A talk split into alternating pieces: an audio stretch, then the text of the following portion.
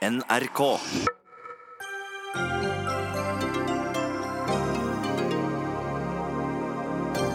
USAs utenriksminister Rex Tillerson har fått sparken. Nå har Donald Trump skiftet ut over en tredel av staben sin.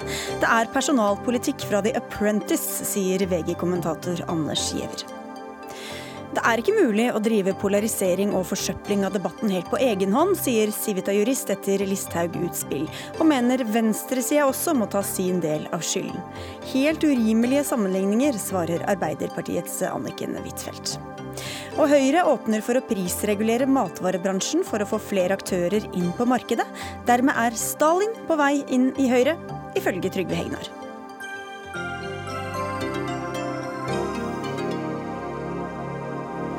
Og dette er noen av sakene i dagens Dagsnytt 18. Jeg heter Sigrid Solund. Ja, Nok en sentral medarbeider er altså ute. I ettermiddag kvittet USAs president Donald Trump seg med utenriksminister Rex Tillerson. Mannen som tar over er Mike Pompeo, som fram til nå har vært sjef i CIA. Washington-korrespondent Tove Bjørgaas, hvorfor gjør Trump dette nå?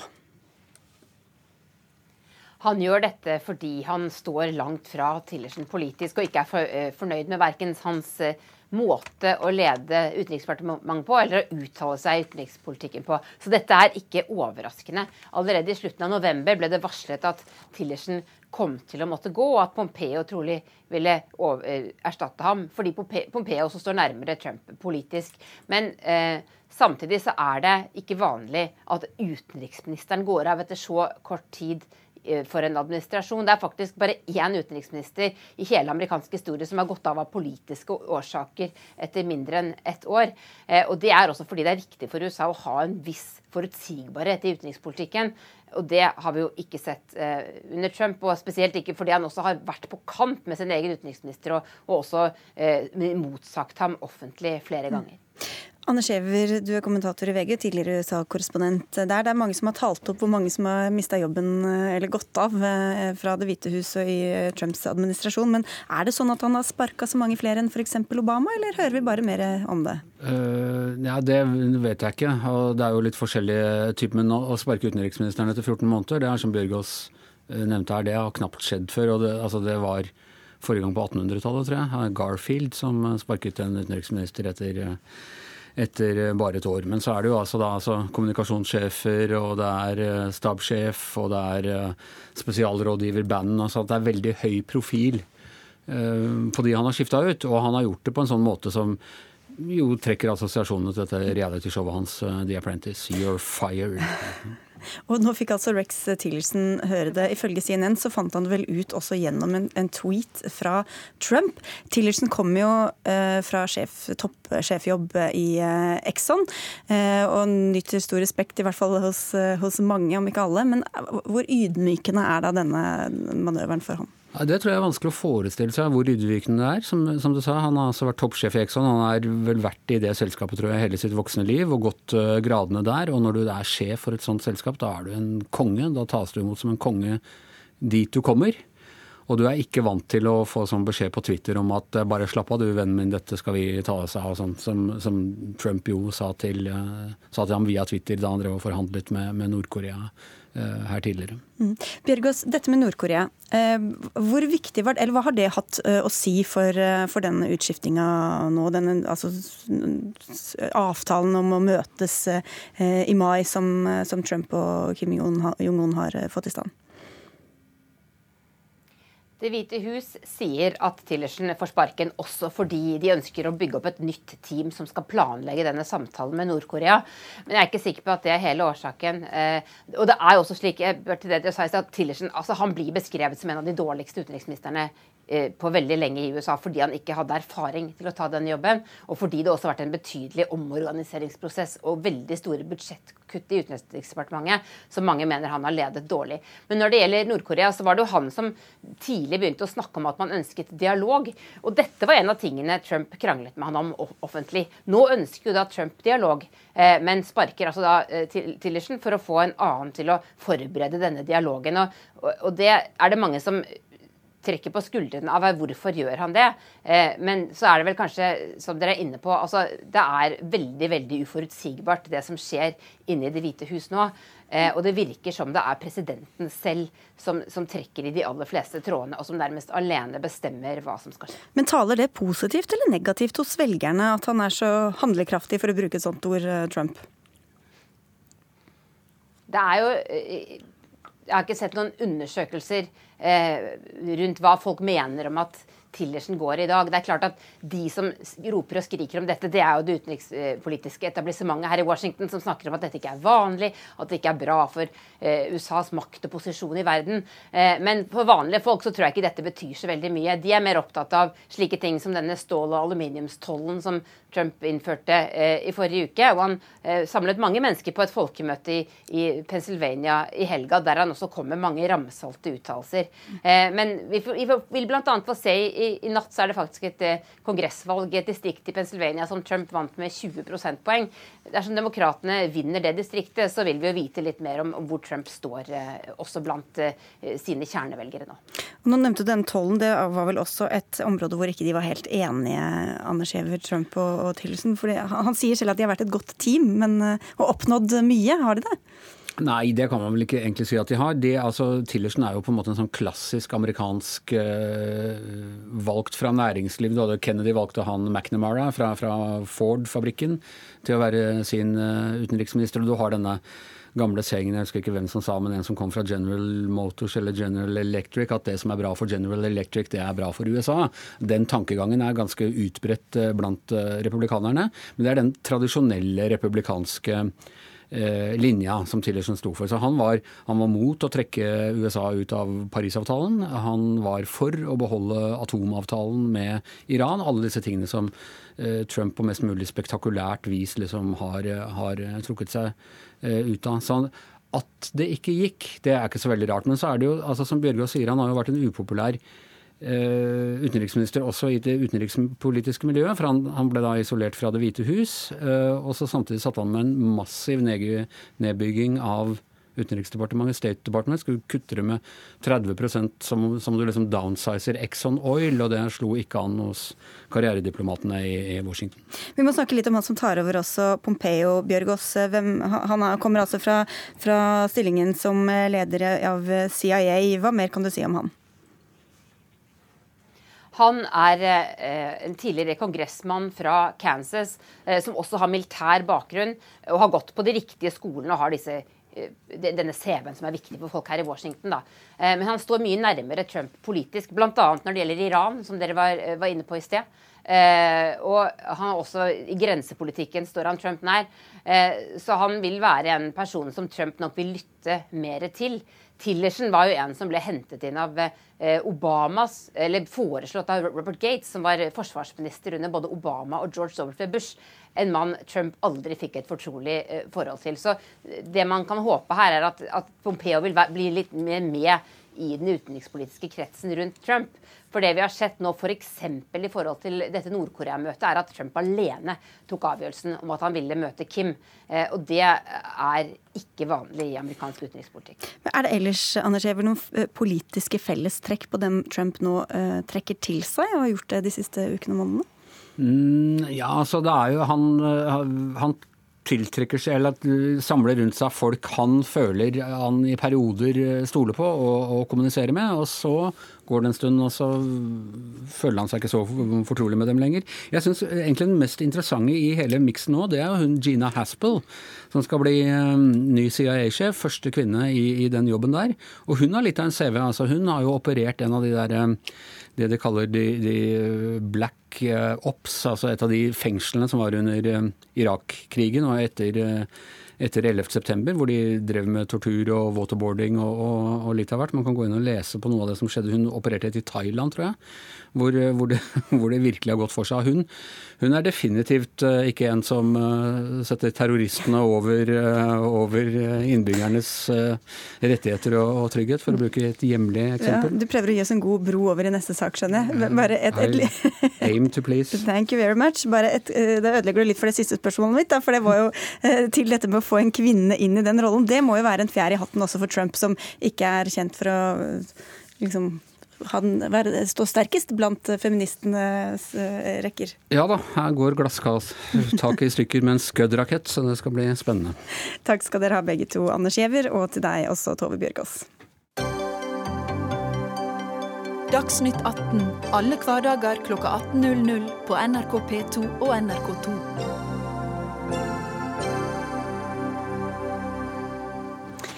Ja, som vi så vidt har nevnt, Det koker altså fortsatt i det politiske Norge etter at justisminister Sylvi Listhaug skrev på Facebook-sida si at Arbeiderpartiet mener terroristenes rettigheter er viktigere enn nasjonens. Det vakte sterke reaksjoner fra venstresida, men også mange på høyresida mente at Listhaug her gikk for langt. I dag er det derimot flere som også peker på at Listhaug ikke er alene om å polarisere ordskiftet. Og du er inne på dette i et innlegg i Aftenposten, Torstein Ulsrød. Du er jurist i uh, Civita. Og du støtter ikke innholdet i det Listhaug skrev, men hva er det andre har sagt eller skrevet som kan måle seg med det hun har eh, sagt eller skrevet? Ja, jeg bare for å si det, jeg, jeg mener i likhet med mange andre at uh, den Facebook-posten fra Listhaug er usaklig og spekulativ på en måte som, som, ikke er verdig for en statsråd, og det har jeg også skrevet. Uh, men et annet poeng som jeg dro opp i artikkelen min, er at Listhaug er er jo ikke den eneste som bidrar til å polarisere og til å dra saklighetsnivået ned i denne debatten. Ehm, det er flere andre som har bidratt godt til å karikere selve eh, saken, som jeg nevnte et par eksempler på i, i artikkelen min. Og det er klart at det er en forskjell på en statsråd og andre eh, politikere. Men, men også særlig andre erfarne politikere har et ansvar for hvordan de eh, velger å reagere på et sånt utspill. Et, det drøyeste eksempelet syns jeg var en, eh, et utsagn som AUF-leder Mani Hussaini hadde på sin Facebook-side om at eh, som gjaldt selve forslaget, altså det underliggende lovforslaget her, at det var et forslag som handlet om å kvitte seg med den norske rettsstaten og erstatte det med et totalitært styresett. Eh, det har han visstnok beklaget, men dette er, jo, dette er jo, på mange måter et, eh, et utsagn som ikke står noe tilbake for Listhaug når det gjelder mangel på saklighet. Ok, Vi, vi, tar, vi slutter der okay. i første omgang. Eh, Anniken Huitfeldt, du sitter på Stortinget for Arbeiderpartiet og leder utenriks- og forsvarskomiteen. Det er altså flere som må ta ansvaret her hvis man mener at, at debatten er blitt polarisert og forsøplet, hører vi. Hva slags ansvar har dere da? Alle har et ansvar. Men jeg opplever at AUF-erne har tatt et veldig stort ansvar for en verdig og skikkelig debatt etter 22.07. Men jeg opplever at eh, disse gutta fra høyresida som skal diskutere med meg her i dag, de prøver å spa fram andre eksempler. Og tar ikke ansvar skikkelig for det som Sylvi Listhaug har gjort. Hun har posta et bilde med væpna islamister. Sagt at Arbeiderpartiet vil beskytte dem. Og hvis man leser kommentarfeltet under, så skjønner man eh, hvilket hat hun puster på og hvilke konspirasjonsteorier som hun eh, representerer ved dette innlegget. Så jeg mener at man trekker fram veldig mange eksempler her for å dysse ned egentlig det som er Sylvi Listhaugs sin post her, og Høyres ansvar for å sette en grense for hva som er nok i en politisk diskusjon. Men nå er det, vi, vi må bare nevne at vi har invitert Sylvi Listhaug og også politisk rådgiver Espen Teigen, og vi har invitert Høyre, og ingen uh, ville komme. Men nå sier jo, vi har flere som skal få ordet, som du nevner, men alle sier jo at de ikke støtter det. Men, men mener at det kanskje er mer differensiert enn at det er én som er eh, den store og ene skyldige for hvis man har fått et mer polarisert debattklima. Vi har fått et mer polarisert debattklima i Norge når vi har en justisminister. Jeg kommer ikke på noen annen europeisk land. Jeg hvor justisministeren anklager opposisjonen for å beskytte terrorister og ha bilde av væpna terrorister i en post. Altså, Det kommer jeg ikke på. Så jeg mener at det, hovedansvaret det ligger egentlig ikke på Frp, for de holder på sånn, det visste vi. Men hovedansvaret ligger på Høyre. Og det som var Høyres første reaksjon, det var at vi spilte sånn 22. juli-kortet. Nå trakk heldigvis Sanner tilbake det. Men i dag sier Sanner at det er uakseptabelt. Så jeg tror at de nå ser at de må sette ned en grense. Hvor er Høyres kjerneverdier her? Hva er det man kan anklage sine politiske motstandere for? Og så kan det gå en kule varmt i mange politiske diskusjoner, men dette handler ikke om det. Det er en total avsporing og en ansvarsfraskrivelse. Eh, ja, altså, jeg syns du bør være litt mer presis her. Nå er det ikke sånn at det er disse gutta på høyresiden som du sier, som har, bør ta ansvar for det Sylvi Listhaug sier. Du kan gjerne peke på partiet Høyre, men eh, jeg representerer ikke partiet Høyre her. Eh, og dessuten så Man kan peke på andre ting enn bare Mani Hussaini sitt, sitt utsagn. Men jeg, er med på at man kan, man kan Det er andre krav til, til voksenpolitikere enn til, til, ungdomspolitikere. Men for å ta Støre i dag, da, f.eks., som hadde et utsagn på Arbeiderpartiets landsstyre landsstyremøte der han sa at eh, Listhaug sa at det er en justisminister som bevisst, kalkulert nører opp under akkurat det hatet som tok så mange liv 22.07. Det er jo et drøyt utsagn, og det er på mange måter den samme mangelen på nyanser og den samme viljen til å tillegge motstandere holdninger som det ikke er grunnlag for, som Sylvi Listhaug driver med. Altså, hvis man ser på de kommentarfeltene som AUF har fått de siste dagene, og som også er under Listhaugs Facebook-oppdatering, så ser vi jo det er den type holdninger som florerer. Så da stemmer det Støre sier, mener Ja, som er at det er en konspirasjon hvor Arbeiderpartiet beskytter islamister. Og Det er nettopp det hatet hun pusser på, og det, det vet vi er farlig. Jo, men er det et bevis på at Listhaug bevisst kalkulert nører opp men, under men, det hatet. Vi, vi, vi prøver å ligge litt, for det Listhaug er ikke her og alt sånt, men vi har, vi har, ikke fått med Høyre, som jeg sa. Men vi har, eh, skal vi i hvert fall si det nærmeste vi kommer da, i dette panelet, er deg, Sigbjørn Aanes. Du er jo tidligere statssekretær ved statsministerens kontor. Det er ikke så lenge siden du forlot eh, regjeringskontorene. Du forsvarer heller ikke Listhaug, men du skrev om dette, også om dette debatten i, i eh, VG i dag, og mener også at det er flere da som har et ansvar for sånn som det har blitt. Eh, ja, men, men jeg vil si sant, jeg, i disse dager når tusenvis av nordmenn går ut av norske kinosaler og har tørka tårene sine, og etter å ha sett filmscener som ikke er basert på fiksjon, men som er en hendelse på norsk jord, som er den verste hendelsen siden andre verdenskrig, så, så er det ikke snart åtte år siden 22. juli, men det er kommet veldig nært oss eh, på nytt igjen. Og, og, og, og, i den settingen syns jeg, jeg dette var ekstra ille. Eh, og Derfor skriver jeg også at, at Listhaug har et spesielt ansvar eh, med både det bildet som ble lagt ut, og, og den teksten som, som, blir skrevet. Eh, så skrev jeg en artikkel i dag, for, jeg, for når debatten om debatten først eh, tok i gang, så, så ønsker jeg å prøve, nå så jeg tredd ut av norsk politikk, å bare prøve å forklare de ulike følelsene. Jeg skriver hvilke følelser jeg opplever som oppstår i AUF, og som jeg skjønner veldig godt. Jeg kjenner på det sjøl. Men så prøver jeg bare å forklare hvilke følelser også på andre sida av og til. Jeg hadde sjøl en et barn som spør pappa hvorfor, hvorfor gjør du Norge kaldere i, i valgkampen. Altså, vi opplever alle. Og så sier jeg ikke Jeg sammenligner det ikke. For det har jeg blitt beskyldt for nå i ettertid i dag. Det ikke, handler ikke om å sammenligne, men jeg prøver bare å beskrive at, at det er ulike følelser men, som kan skapes. Men hvorfor er det nødvendig å gjøre det akkurat nå, Å trekke fram uttalelser enten fra Mani Hussaini eller fra Kolberg for noen år tilbake? Hvorfor er det saklig akkurat nå? Nei, altså Det Kolberg-sitatet mener jeg jo det, det, det, er jo samme gata. altså Høyrepolitikk skaper grorunn for terrorisme. Jeg mener, det er, ikke, det er ikke spesielt heldig sitat, det heller. Jeg skal, jeg skal ikke si at Anniken er ansvarlig for det. for jeg tror ikke Anniken ville ha sagt eller skrevet noe sånn. Akkurat så at jeg nekter og skal stilles til ansvar for hva Sylvi Listhaug har skrevet, spesielt nå som jeg er på utsida av norsk politikk. Men, jeg, men det jeg tror vi trenger nå, det er først og fremst For nå opplever jeg at man nærmest står i hver sin skyttergrav og kaster disse argumentene og beskyldningene mot hverandre. Kanskje vi, kanskje vi, skal trekke oss litt tilbake igjen, eh, og så prøve å få det offentlige ordskiftet litt mer tilbake på et anstendig nivå. Det tror jeg både høyresida tjener på, det tror jeg venstresida tjener på i norsk politikk. Men først og fremst må vi jo tenke på folk. Altså, jeg tenker på velgerne som sitter ute og lytter til disse debattene akkurat nå. Så, så, så, tror jeg ikke man blir spesielt stolt over norsk politikk eller norske politikere. Og det kan gå eh, mange veier, for å si det sånn. Altså Jeg kan også fortelle deg tåredryppende historier om hva mine barn har sagt når høyrefolk har angrepet meg. Det er ikke det dette handler om. Det er en avsporing.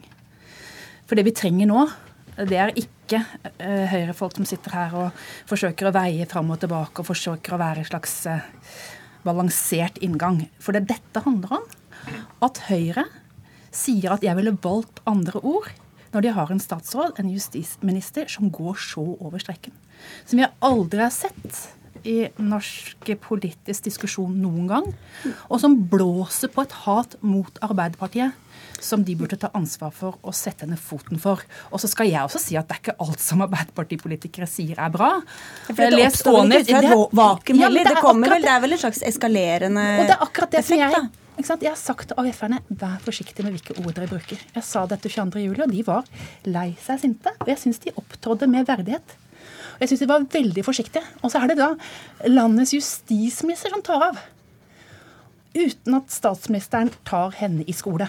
Hun sier bare 'jeg ville valgt litt andre ord'. Og da er det regjeringa som har ansvaret for at det politiske ordskiftet i Norge har flytta seg, og for at det blir mer temperament og også et nivå som ikke jeg liker. Og da er vi inne på hva skal vi kalle den tredje høyregutten her.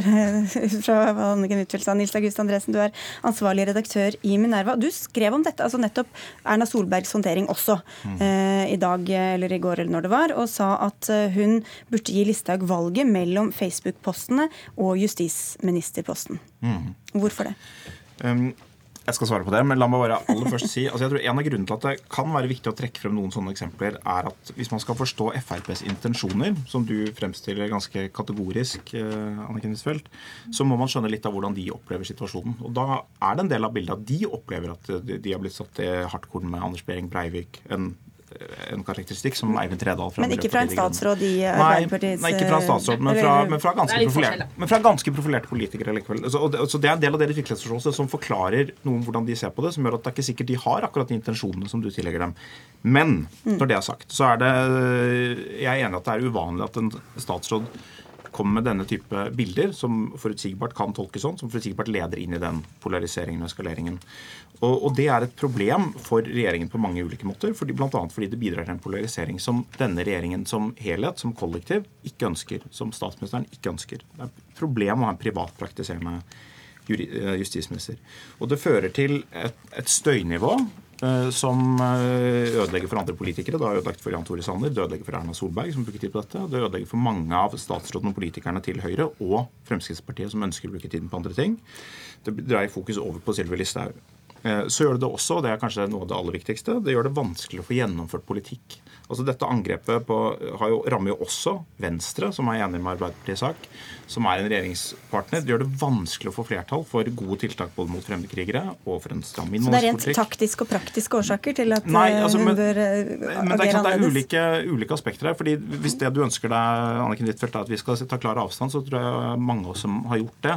Spørsmålet er hva slags konsekvenser det skal ha. og Da må man forstå at det å bare gi Sylvi Listhaug fyken, det løser ikke de problemene du snakker om nå. Fordi... Hva, hva, burde, hva, burde, Erna Solberg gjort da, Anniken Huitfeldt? Jeg mener at Erna Solberg burde sagt at i min regjering er jeg sjefen for diskusjonsklima, for hvordan dere fremstår i offentligheten. Fjern den Facebook-oppdateringen. Den oppfattes den som hatefull. Det mener jeg er det minste man kan gjøre hvis man vil være sjef. da. Ja. Og så er utfordringen i koalisjonsregjeringer at det, det, er eh, ikke alltid man bestemmer så mye som man ønsker over de andre partienes statsråder. Og, og det som jeg tror er viktig å ta inn over seg litt på venstresiden, er at hvis man skulle på en måte latt det få den type konsekvenser på en lite gjennomtenkt måte, og for, for, kall det en for sånn, for sånn ja, en, Hvis man hadde gjort det, så ville man fått en situasjon der en ganske stor del av befolkningen, tross alt, og man kan gjerne si dessverre, ville hatt sympati med Listhaug, og også ville følt at de selv ble rammet av disse anklagene om at hvis du sier at Sylvi Listhaug uttaler seg som Breivik, så sier du egentlig det samme som meg også. Det hadde skapt en ytterligere polarisering. Men, så hvis man skal la dette få konsekvenser, så må man gjøre det på en klok og litt varsom måte. Ok, sier ja, bare si, men la, la, oss, la, oss, la, oss, la oss, eh, hvis, vi, hvis, vi, ser på Norge i, som, som, en del av verden, så, og det syns jeg av og til er interessant, så kan vi se at Norge er akkurat nå kanskje det mest normale politiske landskapet i hele den vestlige verden. Vi, vi ser et Sverige med Sverigedemokraterna på 20% Vi ser et Danmark hvor, det, hvor et ytterliggående parti nekter å ta ansvaret og være en del av regjeringen uansett. Eh, vi ser Tyskland som brukte svært lang tid på å danne regjering med et alternativ for Deutschland. Mens i Norge så jo, debattklimaet har nok blitt tøffere, men samtidig så har vi også klart å bevare et mer normalt politisk landskap enn de fleste andre land. Så selv om ja, debattklimaet er tøffere, så har vi også gjort noe riktig på og det gjelder, og det gjelder alle politikere på alle, alle deler av skalaen. Så, så, jeg sier at vi, vi, vi, må også huske at vi, vi har også gjort noe riktig på denne på, Og, og Erna Solberg har da håndtert dette riktig, syns du? Altså, jeg, mener, eh, jeg snakker ikke om, om dette. Jeg Nei, men hvis jeg spør deg om det, da? Nei, det, altså det, da får Erna Solberg inn og spørre meg hva, hva, syns, eller hva jeg syns om håndteringen. Nå skal jeg jo svare på det. Men det er til dette, Anniken Huitfeldt. fordi det er jo, nå er jo alle deres premiss er jo at det Sylvi Listhaug har skrevet var galt, og gikk over streken. Men det er jo mange som ikke mener det. Og det er jo en del eh, i Fremskrittspartiet og andre sikkert som føler seg, har følt seg mistenkeliggjort og blitt stemplet osv. av bl.a. Arbeiderpartiet opp gjennom tiden. Tror du, altså, hvor, hvor ligger deres ansvar i å ikke få dette utenforskapet og at folk føler seg da uten, altså mistenkeliggjort og stemplet på et eller annet vis eh, fra dere også. Men det er jo ikke noe argument for å poste en hatefull ytring på Facebook. Er det Facebook. ingen sammenheng mellom det? Det blir jo ikke mindre hatefulle ytringer av at hun som landets justisminister i en høyredominert regjering får lov til å bruke dette som talerstol med lik og del. Hun legitimerer jo et budskap som er hatefullt mot Arbeiderpartiet. Hvis vi ser på den norske politiske diskusjonen, da, så har jo vi blitt uh, sett på fra veldig mange land at vi taklet terroren veldig godt. At vi hadde et uh, forsiktig politisk ordskifte hvor vi møtte hatet med kjærlighet. Men jeg syns at de AUF-erne som møtte terroren, har vært mye mer ansvarlig enn det landets justisminister har vært. Og da syns jeg at ikke dette handler om at både høyre- og venstresida på en måte kan være unyanserte. Jeg syns det handler om at vi har en statsminister som ikke setter ned foten og setter noen standarder. Det er det denne diskusjonen handler om. Og det skrev du at hun burde gjøre også, Nils ja, ja, André. Virket, virket ikke som du sto altså, helt inne for det nå? Jeg, jeg, jeg skrev at hun burde gjøre det. Det jeg mente å si, er at hvis man skal gjøre det, så må man gjøre det på en klok måte som nettopp ikke fremmedgjør også alle hennes velgere, for å si det sånn. Mm.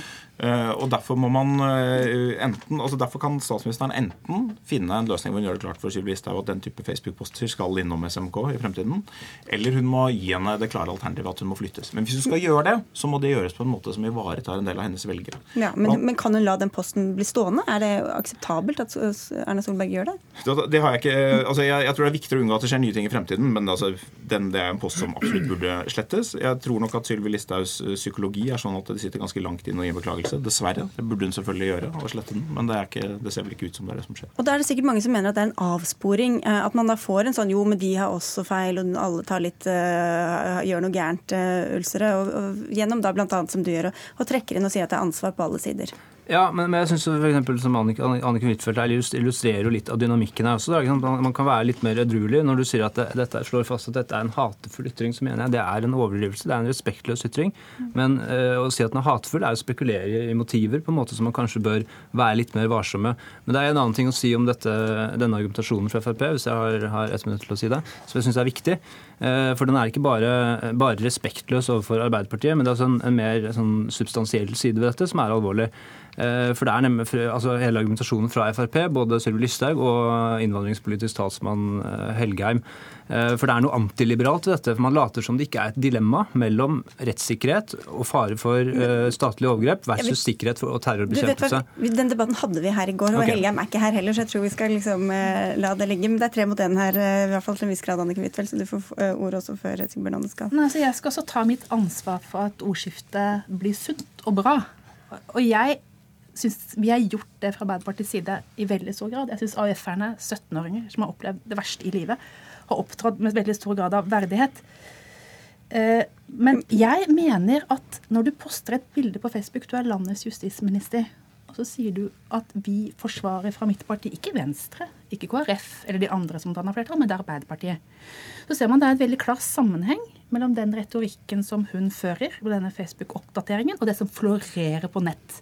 Så hun puster liv i noen krefter her som vi veit er veldig farlig. Og det er også mitt poeng.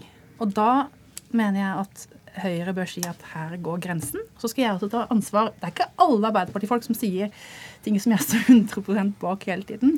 Men jeg syns liksom å trekke inn andre ting i diskusjonen her om ting som er lagt feil, så kan jeg liksom komme med lista mot Høyre. Dette var dumt sagt av Høyre-folk. Og Høyres justispolitiske talsmann sa 22.07 hadde vært annerledes hvis Erna Solberg hadde vært statsminister. Og da er vi liksom i en helt annen diskusjon, da, som egentlig ikke har noe med saken å gjøre. Det fikk Hør også. Det husker jeg veldig godt, for da var jeg kommunikasjonssjef i Høyre. Det var en uttalelse som ikke ble satt pris på. Og jeg er ikke her for å debattere imot Anniken Huitfeldt eller, eller for å være imot for jeg mener Anniken har flere gode poeng. Jeg, jeg, mener at det å si om AUF som tok et ansvar etter 22.07 på, en, på en ekstraordinær måte, det, det har hun helt rett i. Måten ordskiftet gikk på, og måten det ble håndtert håndtert på etter 22.07. Helt imponerende i det, det, var verdensklasse over det. Andre land ser til Norge for å, for å lære. Um, og så, og så, skjønner jeg at man skal ikke komme med liste på ene og andre sida. Det, det, det, er bare av og til tror, for, for nå har jeg, jeg gitt Anniken helt rett i eh, både at denne posten burde ikke ha vært der, den billedbruken og innholdet. Jeg, jeg, jeg sier det er helt riktig.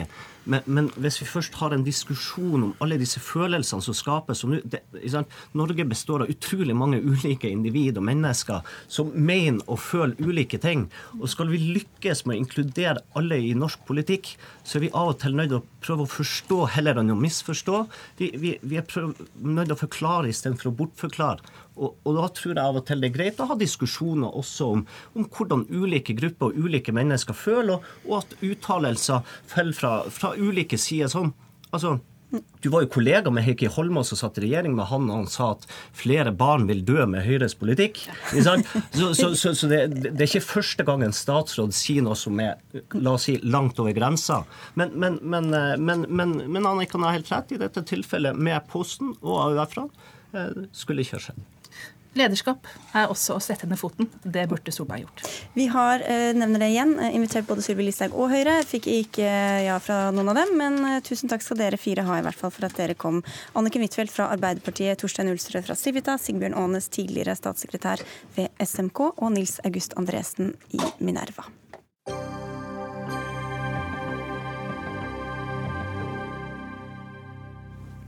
Hva skal til for at vi får flere aktører inn i dagligvarebransjen i Norge? Hva med å prisregulere, slik at matvareleverandørene må kreve samme pris fra alle kjøpere? Som vi kunne lese i Aftenposten før helga, fremmer Høyre det som et forslag som de vil utrede på landsmøtet sitt i april.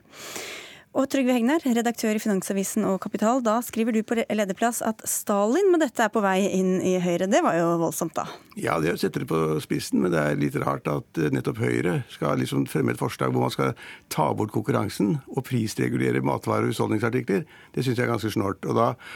Er jo slik historisk sett, så vet vi jo vi at i, Sovjetunionen under Stalin så hadde man ekstrem planøkonomi. Det var Ett år produserte man gule sokker, og neste år produserte man blå sokker. Og så var det bare lov å produsere gule jakker. Og Derfor var det et bilde på at Høyre tok en merkelig vei. Mm. Nå blir det bare gule eller blå sokker, Korstein Eidem Løvaas. Du er stortingsrepresentant eh, for Høyre. Det er ikke helt vanlig kost fra Høyre dette, med prisregulering?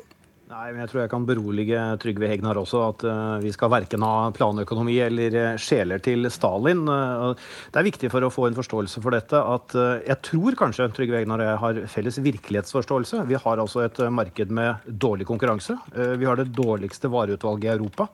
Vi har det nest dyreste matvarene i Europa, og vi har de minst fornøyde, eller blant de minst fornøyde matvarekundene i Europa. Og dette er jo en utfordring, og det mener forhåpentligvis også Trygve Hegnar at vi bør gjøre noe med. Men for alle som ikke henger helt med, altså dette forslaget går ut på å utrede et forbud mot prisdiskriminering i leverandørleddet. Hvordan skal det fungere i praksis? Hva er det dette går ut på? Det går ut på at eh, man skal se på noen av eh, de matvarene som finnes i eh, matforretningene. og Da handler det først og fremst om de dominerende merkevarene. Det kan være fire-fem leverandører det er snakk om. Vi kan bruke eksempel Ringnes, Tine, Nortura og Orkla, bare for å nevne noen. Og se på om en del av de varene skal selges til lik pris til de ulike butikkene. Det altså ingen kvantumsrabatt f.eks.?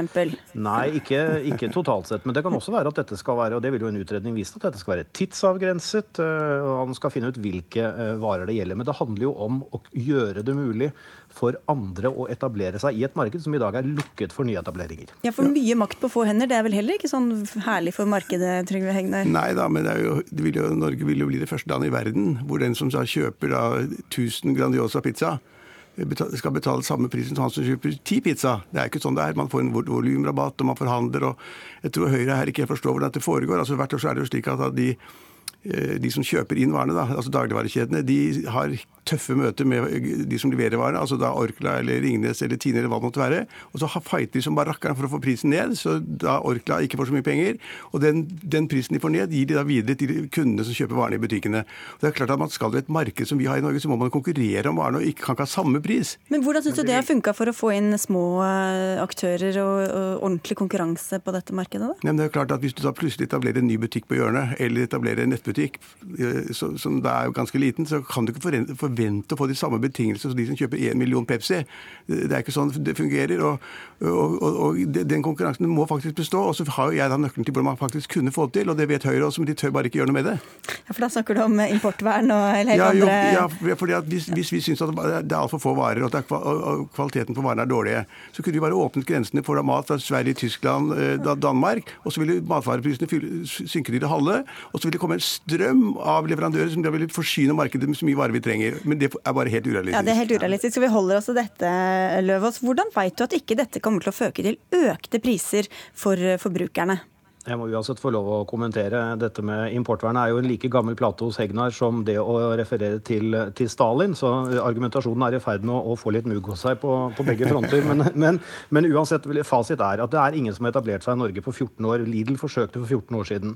I den perioden har vi gått fra fire til tre aktører, og nettsatsingen har så langt ikke lykkes. Vi har altså et marked hvor konkurransen ikke fungerer. Og det er ikke sånn at man skal ta konkurransen bort, men man skal flytte konkurransen lenger ut. Man skal flytte konkurransen ut i detaljist fastleddet. Og det er ingen som skal fortelle meg at hvis Rema og Norgesgruppen og Coop får kjøpe Grandiosa til samme pris, at ikke de kommer til å konkurrere på prisen ut i butikken. Selvfølgelig gjør de det, for de vil ønske å lokke deg og meg inn i butikken.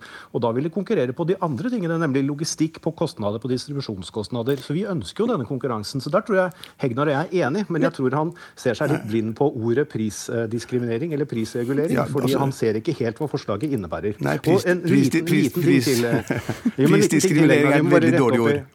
Vi må rette opp, i, rette opp, i, det også. For det er altså land som gjør dette. og Vi trenger ikke å dra lenger enn med danskebåten til Danmark. Både Arla og Carlsberg, to store, dominerende konsern i dagligvarebransjen i Danmark, må selge varene sine til lik pris ut i butikkene. Så dette er velprøvet. Men Konkurransetilsynet har pekt eh, på, eh, eller de skriver at tvangsoppløsning av leverandører og regulering av innkjøpspriser, altså det dere tar til orde for, vurderes i rapporten eh, å ha en begrenset virkning på etablering, altså at det ikke nødvendigvis kommer nye butikker, og potensielt også en negativ vridning på, på konkurransen. Vi vil spesielt peke på at regulering av betingelsene fra leverandører og grossister kan få negative virkninger på konkurransen og føre til økte priser for forbrukerne. Slike tiltak bør derfor unngås.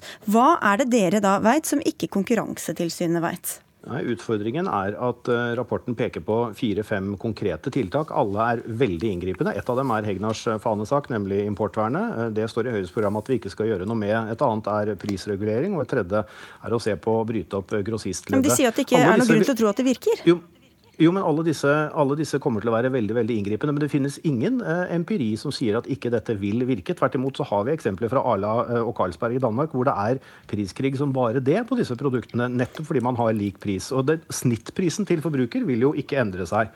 Det er det ikke grunn til å tro at Konkurransetilsynet ville gå inn for det hvis de trodde at det ville føre til økt konkurranse og lavere priser? Jo, det kan man godt si, men nå eh, kan man vel også diskutere Konkurransetilsynets uh, si, ærefulle track record. Men, men uansett så, så, har vi altså en situasjon i Norge hvor konkurransen svekkes, hvor utbudet blir dårligere, hvor prisene går opp, og hvor veksten i bransjen er rekordlav. I 2017 så var det lavere vekst i dagligvarebransjen enn det har vært på mange mange år. Lampene lyser rødt over hele fjøla, og vi er nødt til å gjøre noe. Jeg vil utfordre Hegdar, hvis han skal se ut, utenom importvernet, hva, hva annet kunne vi gjort? Eh, Nei, men nå, nå, tror jeg plutselig at de diskuterer med SV og ikke Høyre. Dette er jo helt underlig. Det er klart at Hvis man prisregulerer et produkt eller en tjeneste, så alle skal betale samme prisen, så er det en innskrenkning av markedet. Og Jeg er rimelig sikker på at Konkurransetilsynet har helt rett. Prisen vil gå opp i Norge. Og Det er litt nesten komisk. Man kan jo tenke seg at jeg er i en bransje, alle, du også for øvrig, mediebransjen, som har ganske store problemer med aviser og blader og alt mulig rart, og inntjeningen er lav. Hvis man skulle innføre lik pris i alle aviser, vil, folk vil jo le seg i hjel. Altså lik pris for Dagbladet VG eller lik pris for Finansavisen og Dagens Næringsliv. Det er jo alle aviser har nesten forskjellige priser. Det er ingen som tenker på å regulere prisene i avismarkedet fordi det er problemer der. Men det er jo litt andre reguleringer på det markedet, ja, da, så det var jo, kanskje ikke helt uh, jo, jo, mest sammenlignbare eksempler? Jo, men det er, det er bare én måte å løse dette på. Det er bare én måte å løse det på. Det er å få flere leverandører inn. I dag har vi liksom Orkla, Orkla og Tine og, og Ringnes, for å ta de tre store. da. Så det er bare, det er bare import eh, opphev, altså, det er en enkel som, løsning. som ja, det er en enkel løsning. Vi får det ikke til, men en enkel løsning. Åpne opp og åpne opp. For da, de vil stå i kø for å levere varer til norske eh, dagligvarekjeder. Og ingen andre men, forslag men, som, kan, som, kan, gjøre konkurransen bedre og nei, billigere. Det er et veldig dårlig forslag fra Hegnar. fordi altså Nær tre fjerdedeler av det vi spiser, er ikke omfattet av importvernet. Så det, det, er uansett eh, Det vil i beste fall utløse konkurranse på en fjerdedel av sortimentet. Ja, men det hjelper godt, det. Veldig, ja, det selvfølgelig hjelper det, hjelper det godt, men det er heller ikke en på problemet. og det vil du også se i den samme rapporten. Utfordringen er, jeg tror igjen da, vi er enige om virkelighetsforståelsen og virkelighetsbeskrivelsen. Det eh, som uh, du savner, uh, du mener at Høyre savner forståelse for næringslivspolitikk. Du savner kanskje forståelse for politikk, for vi må jo gjøre noe som faktisk er gjennomførbart, og som faktisk virker. Ikke, Høyre burde ikke innskrikke konkurransen. Høyre burde ikke gå inn for at alle mulige firmaer skal ha samme pris på samme varer. At det blir mindre konkurranse. mindre... Altså, jeg mener at kjedene skal presse de som leverer, ganske kraftig og få prisene ned. Og det får ikke til hvis prisene er like. Prisene kommer til å gå opp. Dere, også Arbeiderpartiet jobber med et tilsvarende forslag for Stortinget. Nå skal dere eh, eh, votere over dette på landsmøtet deres Høyre, så det kan jo faktisk bli reell politikk av det hvis dere også går inn for det. Så får vi heller møtes igjen da. Takk skal dere ha begge to, Trygve Hegnar fra Finansavisen og Kapital, og Kårstein Eidem Løvaas fra Høyre, eller skal vi si SV da, Trygve Hegnar i dette tilfellet.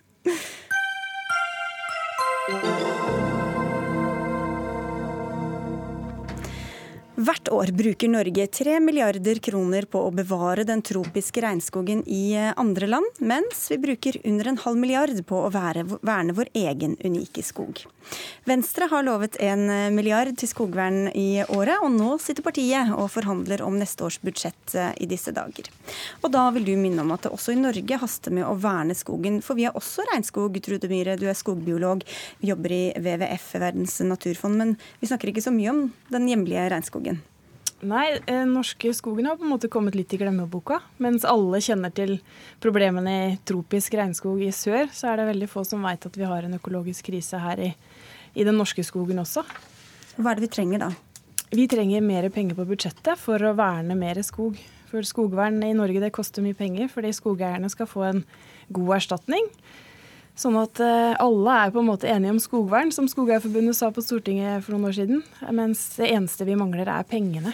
Rett og slett. Og nå sitter dere og forhandler, eh, Kjetil eh, Kjenseth. Ikke du, for du har tid til å være her, heldigvis. Du, i, i, du er leder i energi- og miljøkomiteen på Stortinget, sitter der for Venstre. Ja. Og dere har jo lovet da, mye mer penger til, til å verne den norske verdifulle skogen. Kommer det? Jeg må først si at Nå har vi fylt opp kassa en del også, da, de siste fire årene. Så vi uh, har jo nå kommet opp i over 400 millioner som vi bruker årlig på Som er under halvparten av det dere lovte? Uh, ja, men det, den lovnaden kom jo ikke for fire år siden. Uh, så vi skal jo til, til, et sted, og så har vi starta på den opptrappingen. Og så er heldigvis køen som frivillig vil verne, den er lengre enn en det som vi har penger til. Så det er gode utgangspunkt. Så det, det ene er jo å fylle på mer penger. Det skal vi ikke gjøre i én budsjettjafs på ett år. Så vi skal jo fra, fra 0 til, 0 til 100 her på, over eh, noen flere år. Eh, og så har vi selvfølgelig ambisjon om å, om å, fylle på også i år, som vi har gjort de siste fire årene. Ganske mye penger hvert, eh, hvert år.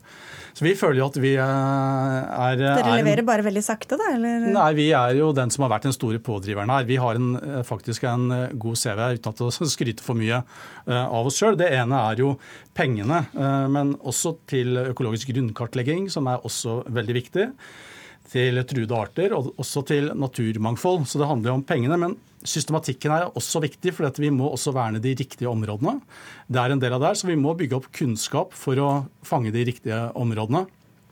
Eh, og så, så, kommer det også inn nye områder som vi snakker om. Eh, og det er ikke så mange dager siden eh, den nyslåtte klima- og miljøministeren snakka om Østmarka som en mulig nasjonalpark.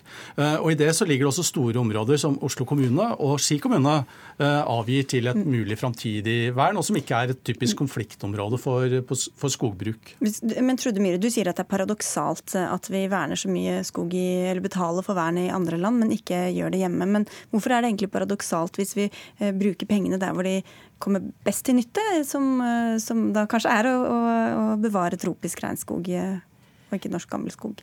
Det er jo en kampsak for WWF å beholde regnskogsmilliardene, sånn at vi skal verne tropisk regnskog. Men vi må kunne klare å gjøre det samme her hjemme òg. For Norge er jo verdensberømt for regnskogsmilliardene, og er kjent i verden for dem.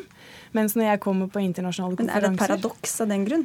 Nei, men det er paradokset at vi har verna så lite her hjemme. Vi har bare verna 3% av den norske skogen, mens Stortinget har vedtatt at vi skal verne 10% Og vi er forplikta gjennom FN, som alle de andre landene, til å verne en større del av skogen. Samtidig også... som skogvernet går veldig sakte. Det går med sneglefart i mangel av penger på budsjettet. Mm.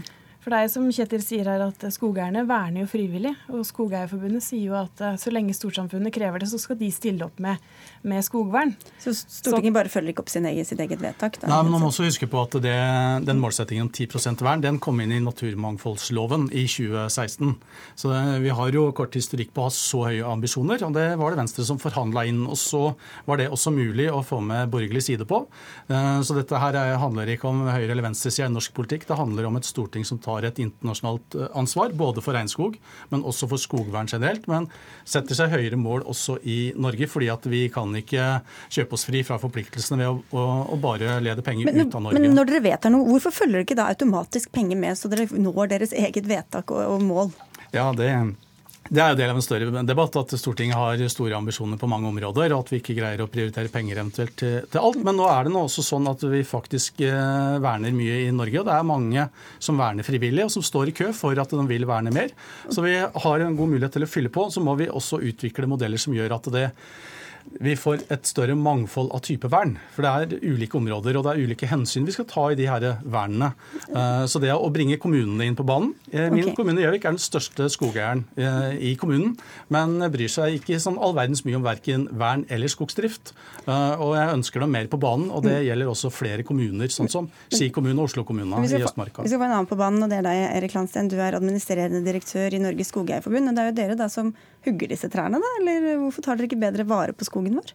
Ja, Vi tar jo faktisk veldig godt vare på denne skogen i Norge. og eh, Jeg blir jo rett og slett ganske opprørt når jeg hører Trude Mure bruke ord som at vi har en økologisk krise i skogen i Norge. For saken er faktisk at vi driver et veldig ansvarlig skogbruk i Norge, og hvor skogbruket selv stiller strengere krav til hvordan vi driver enn det myndighetene gjør. og hvor eh, vi har bygd opp skogressursen sånn at det nå er faktisk tre ganger så mye skog i de norske skogene enn det det var for 100 år siden. Så tilstanden er en helt annen enn det Trude Myhre ja, beskriver? Det er faktisk slik at det biologiske mangfoldet utvikler seg eh, positivt. Eh, og naturmangfoldet er altså Naturindeksen viser at vi Men, går i riktig retning. Med de artene vi trenger også, på en måte? Eller er det Ja, altså eh, Artsdatabanken de følger jo med da, på hvilke arter som er truet og utsatt. Og noen arter blir mer utsatt, men faktisk er det slik at flertallet av de artene som vi har har registrert som truet, de utvikler seg faktisk i positiv retning. Så det er mer som går i riktig retning enn det som går i gal retning. Men vi sier vi skal gjøre mer. altså Både det skogbruket gjør, vi skal måtte justere vår måte å drive på, som vi allerede har gjort, ytterligere. Og vi er for for vern, men det å gi inntrykk av at det er noen akutt krise i skogen, det er helt feil. Og jeg må virkelig, altså, altså Her er det viktig å være redelig i forhold til politikerne. Eh, innsatsen til frivillig vern er mer enn tredoblet siden 2012, og min sidemann Venstre har jo Men hadde ikke gjort noe med å doble det summen, ja, eller? Jo, altså faktisk så hadde vi ikke klart det. Oh, nei, det er ikke så mye frivillig nei, altså, vern som er vi, Det er jo viktig at de områdene vi verner, faktisk holder en høy kvalitet. Eh, hvis vi skal bruke skattebetalernes penger for å ta produktiv skog ut av produksjon, eh, så må vi vite at det vi verner er, er bra. Og det, den prosessen tar tar tre år. Og nå har det veksten i bevilgningene vært så stor at den reserven vi har hatt av arealer som kan vernes, mm. den har vi brukt opp. Så vi, på kort sikt så klarer vi ikke å bruke okay. så mye mer. Der var det to ting. Da. Det, ja, for å ta det første, Myhre. Det, det er svartmaling, og det er ikke så ille som det, du skal ha det til. det er nok sånn i Norge at 75 eh, av skogområdene våre er flathogd, og mye av det er gjort om til granplantasjer. Det er så lite som 2,4% av skogene våre som er eldre enn 160 år. Det er så enormt, ekstremt liten andel av skogen som er ordentlig gammel skog. Hvis artsmangfoldet er på vei opp og Det er nok litt sannhet med modifikasjoner, det der. Og vi har halvparten av de utrydningstrua artene de lever i skog i Norge. Så skogvern og mer bærekraftig skogbruk er jo jobb nummer én for å ta vare på artene i Norge. Og så til dette med at uh, det er ikke nok skog tilgjengelig til å, til å verne på frivillig basis, da, som jo har vært suksessoppskriften? Hvert år nå som vi faktisk har fått til å øke budsjettet litt, så har jo Miljødirektoratet sagt hvert år at vi kunne, vi kunne verna mye mer. Hadde vi hatt mer penger på budsjettet, så kunne vi klart å verne mer. Så det står jo bare på hvor mye eh, Skogeierforbundet og fylkesmennene klarer å hente inn av tilbud fra skogeierne. Så da må dere være mer offensive da, og, og, få mer skog tilgjengelig for vern? Altså, nå skal vi ikke lenger tilbake enn til 2014, hvor, hvor eh, Høyre- og Frp-regjeringen foreslo å kutte bevilgningen til vern. Jeg tror det var med omtrent to tredjedeler, fordi de sa nå har vi vernet så innmari mye, så nå kan vi sette ned tempoet litt. Og så sier Venstre at det er vi ikke med på. Men det er klart at når bevilgningene svinger så mye, så er det vanskelig for oss å kunne ha en prosess hvor vi er i dialog med skogeiere om å verne. Så det vi sier er at eh, her må vi ha forutsigbarhet. Nå har da bevilgningene blitt mangedoblet, og, og da er det faktisk slik at det tar tre år fra vi setter oss ned med skogeiere og diskuterer her har du en skog som har noen kvaliteter. Vi må sjekke med miljømyndighetene om de har Hvorfor har dere ikke vært litt raskere på ballen her? Nei, altså fordi bevilgningene har faktisk økt veldig mye under påtrykk fra Venstre og i Stortinget, så vi, vi sliter med å holde en høyere veksttakt enn det som er nå. og og, og, og, det er faktisk slik at, at, uh, at, vi i løpet av 16 år vil ha nådd 10 %-målet med det bevilgningsnivået som er i dag. sånn at det er faktisk et ganske høyt bevilgningsnivå. Og det er andre tiltak som skogbruket også gjør selv, som, som uh, også betyr veldig mye for det biologiske mangfoldet. Og hvis vi går for fort frem, så kan dette faktisk bli penger ut av vinduet, og at vi ikke, altså vi verner områder så vi burde hatt produksjon av skog for å bruke denne ressursen det, til klimakampen. Nå fikk du gode argumenter til eh, kritikken fra Trude Myhre etter at budsjettet ble lagt fram. Ja, jeg syns jo at vi sitter i en god posisjon her, og vi kan gjøre mer. Det vil alle. Eh, så det handler om en hastighet. Ok. Dere, vi må si takk i denne omgang, så får vi se hvor det ender. Eh, Trude Myhre, takk skal du ha fra WWF. Til deg, Kjetil Kjenseth fra Venstre, og Erik Landstein fra Norges Skogeierforbund. Hør Dagsnytt 18 når du vil. Radio NRK Radio.nrk.no.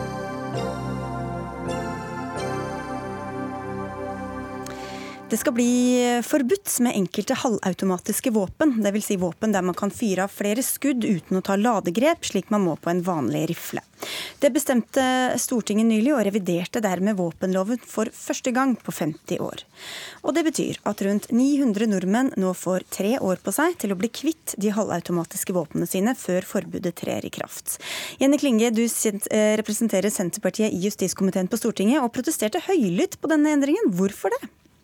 Ja, eh, nå er det slik at I denne saka her så ble det jo framstilt som at eh, stortingsflertallet og regjeringa tar et sånn Eh, godt grep da, for å gjøre norsk våpenbruk tryggere. Men det er jo ikke det de i praksis gjør. fordi at de lar jo eh, veldig mange halvautomatiske jaktvåpen være eh, lovlig, som vi syns er helt greit òg. Men det de gjør, er at de tar og vil forby enkelte modeller. og Da er det spesielt snakk om denne Ruger Mini 14, som var brukt av terroristen på Utøya den 22. juli. Eh, så eh, i stedet for å gå eh, etter noe som altså Vi vet jo at det er ulovlige våpen, og, folk, og det folk får tak i i helautomatiske våpen f.eks. og ulovlige våpen fra utlandet. Det er store problemer i kriminelle miljø og når det gjelder terrorisme også vi er i Europa. Men det som da stortingsflertallet her gjør, det er å gå løs på enkelte våpeneiere og si at de skal levere våpnene sine i praksis. Men Hvorfor kan man ikke gjøre begge deler, da? Hvorfor kan man ikke både, både få bukt med de ulovlige våpnene og uh, gjøre flere våpen ulovlig, hvis de så, har så stort skadepotensial som vi så bl.a. av 22.07? Jo, men det er jo der eh, vi har, får klare innspill fra jeger- og skyttermiljøet på at de her våpnene som regjeringa vil forby, faktisk ikke har noe vesentlig andre, andre egenskaper enn de våpnene som fortsatt blir lovlige.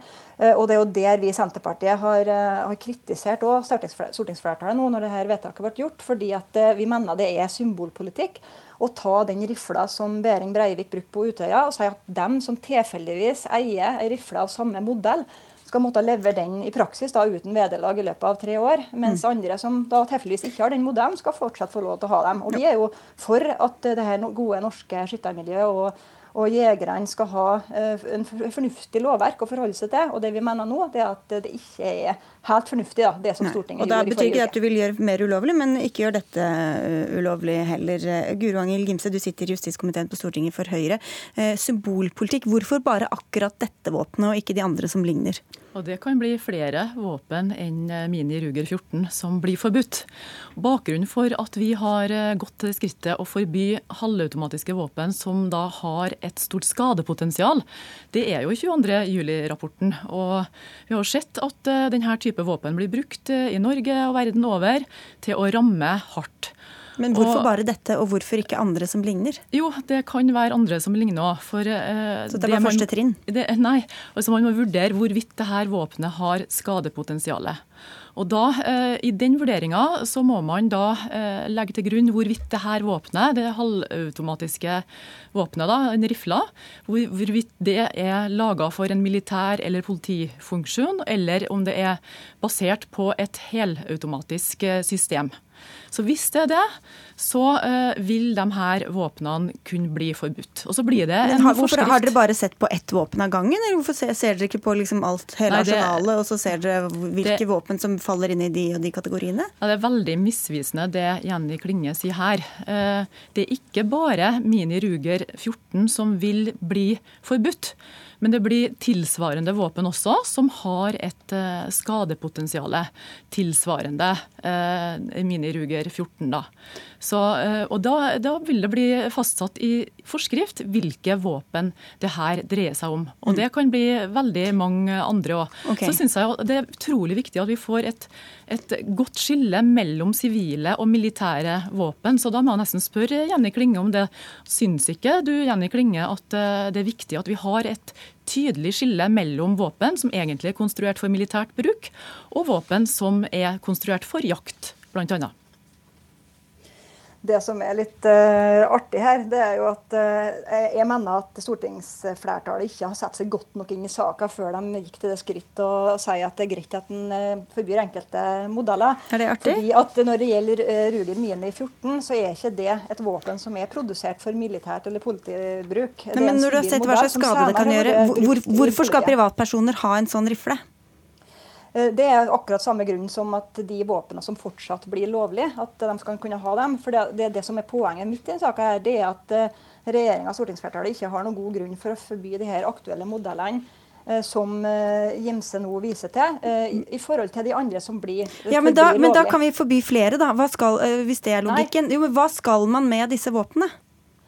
En skal jo bruke dem til jakt. Det er det som er poenget. Det som en må huske på her nå, det her er snakk om et norsk skyttermiljø, et norsk miljø av jegere som driver lovlydig, som har erverva eh, alle disse modellene vi snakker om, eh, lovlig. Så blir enkelte modeller nå pekt på spesielt som at de skal bli forbudt.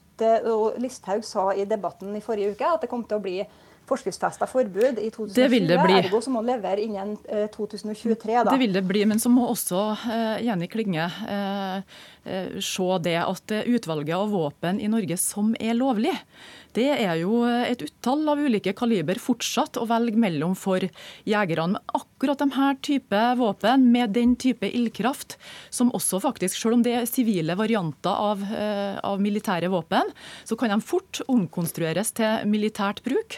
Og eh, bl.a. bruke standardmagasiner til den militære eh, versjonen, som gjør at de kan få veldig stort skadepotensial for det om de er sivile våpen. Men Høyre, som vanligvis er opptatt av privat eiendomsrett ber nå da altså mm, flere hundre mennesker gå bare og levere inn våpnene sine uten å få noe igjen for det.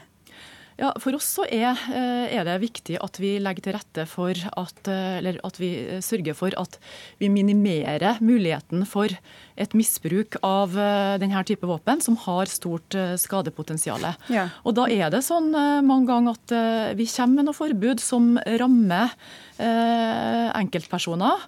Um, og, og, Derfor så, så, ønsker vi at uh, man skal kunne levere inn de her de, våpnene, de eller selge dem da, ja, ja, innen tre år. Ja, for det er Din partikollega Peter Frølich sier til VG at hvis du, hvis du, eier et sånt våpen, kan du forsøke å selge til andre land som tillater denne type våpen. Så, så misbruk og ulykker og drap er ikke så farlig i utlandet, da? eller? Jeg ser jo det, at den kan tolkes på det viset der. Og, Hvordan kan det ellers tolkes, da? Ja, men da tenker jeg det at Hvis det er sånn at du har en person i utlandet som likevel skal ha denne type våpen, så er det kanskje ikke så farlig at det er en nordmann som selger det til han, når, det, når han likevel ville ha kjøpt den. Nei, du mener det? det? Gærlig, men kan jeg få kommentere det her? For jeg syns at det er mangel på respekt for enkeltmennesket i denne saka her, og mangel på respekt for eh, eiendomsretten, som Høyre og Frp vanligvis snakker så godt om. Men det er jo det politikken det er, er, det ikke sånn politikken er, da? Man skal, ok, Så er det ikke lenger lov med sånn type bil eller sånn type våpen. Eller, altså, det er jo... men det, spørsmål, jo, men det er en viktig poeng her, eh, som kanskje ikke kommer godt ta fram til nå det er jo det at dette lovforbudet skal ha tilbakevirkende kraft i tillegg. Sånn at folk som lovlydig har kjøpt de her våpnene, skal ikke kunne få lov til å fortsatt ha dem til eget bruk, slik som sedvanen har vært når det gjelder våpenlover tidligere. Men en skal innføre et forbud med tilbakevirkende kraft. Og ikke og bare det. En sier, en sier at en gjerne kan selge dem til utlandet, ja. noe som i praksis er omtrent umulig for enkeltpersoner. Og det er umulig å få solgt også i et innenlands marked. Det betyr at mange som eier verdier for kanskje 15 000 kroner pluss minus, er nødt til å levere det uten vederlag. Det er helt absurd. Takk skal dere ha begge to. Vi er nødt til å avslutte fordi Dagsnytt 18 er over. Ida Tune Ørestrand, Frode Thorshaug og jeg, Stigrid Solund, takker for oss og håper dere får en fin kveld videre.